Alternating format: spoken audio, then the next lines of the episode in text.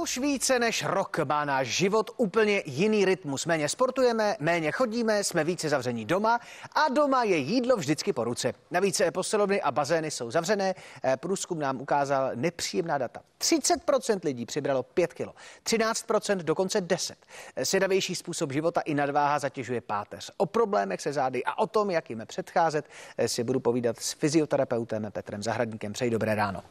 Hezký den. Tak nějak vidět, jak se ta páteř proměnila za ten rok, co eh, víceméně buď sedíme na gauči, nebo v židli, nebo v křesle. Tak ona ta páteř je furt stejná. Naštěstí Ale, ale uh, co určitě trpí, tak ono trpí celé tělo, ale trpí svaly, trpí klouby vůbec jako celého těla.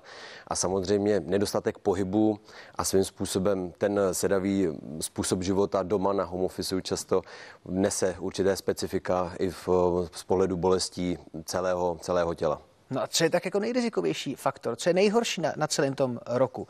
Je to to sezení, to ta plná lednička? Nebo když člověk prostě začne utápět, já nevím, ten svůj žel prostě ve víně. On je to jako vždycky a ve všem je to určitá kombinace toho. Eh, já velkou, velkou míru vidím v určitém samozřejmě v tom pohybovém, omezení, třeba které máme, uh, nevýhodné ergonomii, to znamená, že řada z nás sedí doma na, u konferenčního stolku, pracujeme a podobně, nebo kde můžeme. A druhá věc je, že vnímám velké procento určitě toho strachu. Toho strachu, který se na nás hrne, tak jako odkudkoliv v podstatě, kam se podíváme. Vy jste říkal ta ergonomie, jo, tak pojďme to nějak názorně, takhle je to v pohodě, jak jsem, nebo, nebo, nebo to je blbý ještě, no, ne, tak to vy řekněte, jestli. No, v podstatě uh, ta správná ergonomie... Pojďme by... udělat nějaký opravdu základ, jak ta home office má vypadat dobře, no. Ten, dejme tomu ten poset u no. toho, tak um, obecně páteř má ráda napřímené držení těla. Takhle, Takže jo. pokud my nemusíme takhle jak pravítko, Dobře, tak, tak. ale pokud možná taková obecná, uh, obecné doporučení pro lidi, tak si můžeme představit, jak kdyby nás vytahoval takový heliový balonek směrem nahoru, ale opravdu tou silou heliového balonku. Jo, takhle. Není to, že se budeme, úplně... že budeme šponovat. Takhle jsou někdy politici. A teď zkuste, bude uvolnit ramena. Teď zkuste uvolnit ramena uvolnit u toho. Ramena, zkuste uvolnit ramena. Já je uvolnil. Možná už jsem po tom roce se zase. Tak, tak může... že už to nikdy nebude. Můžeme... Že už takhle budu celý život. Tak možná můžeme teď doporučit i lidem, zkusme opravdu využít toho heliového balonku pomyslného a uvolnit ty ramena. A tohle to, pokud tomu tělu dopřejeme několikrát za den, nebo čím častěji, tím lépe, tak už jenom tímhle tím můžeme se můžeme preventivně působit na to naše tělo, eh, aby nás nic nebolelo. Když tu páteř nebudu mít v pořádku, tak co mě čeká dál za, za ty e, nesnáze, které jsou s tím spojené? Protože tak vnímám tu páteř jako ten centrální, e, tu centrální část, ale pak se to rozjede úplně všude, ne? Ano, je to, tohle je trošičku jak věštit z, křišťál, z křišťálové koule, jo? ale samozřejmě takové to obecné pravidlo, že řada věcí je od pátře, a to, to platí, to vidíme v té ordinaci, kdy v podstatě to, aby nám fungovaly ruce, nohy a vůbec jako abychom se cítili dobře v našem těle, tak musí být páteř ideálně uvolněná z, nej, jako z maximálně možné míry a, a měla by být určitým způsobem jako zajištěná svalově. Mm-hmm. No a existují nějaká cvičení, která se doma eh, dají dělat a samozřejmě jako asi budou existovat, ale kolik času tomu třeba fakt vydovat, aby člověk předešel těm následkům. A nemyslím tu nadváhu, ale právě ty problémy s páteří, protože nadváhu tak to pak někde vyběhá, nebo to nějaký plastický chirurg vytáhne. a nebo můžeme přestat jíst tolik. Třeba. A neblázněte zase, do takových experimentů se nebudu pouštět.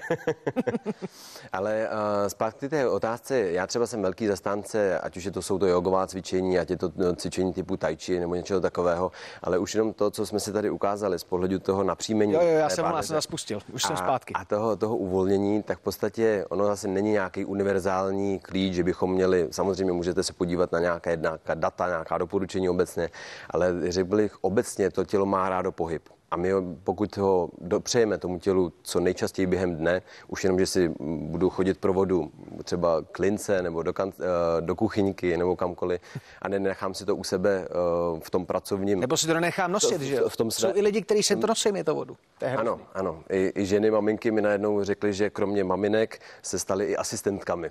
Takže ano, i, i i třeba, to... I třeba to, že si pro tu vodu budu chodit, nebo budu chodit ze schodu do schodu, tak už to je v podstatě pohyb, který to tělo má rádo.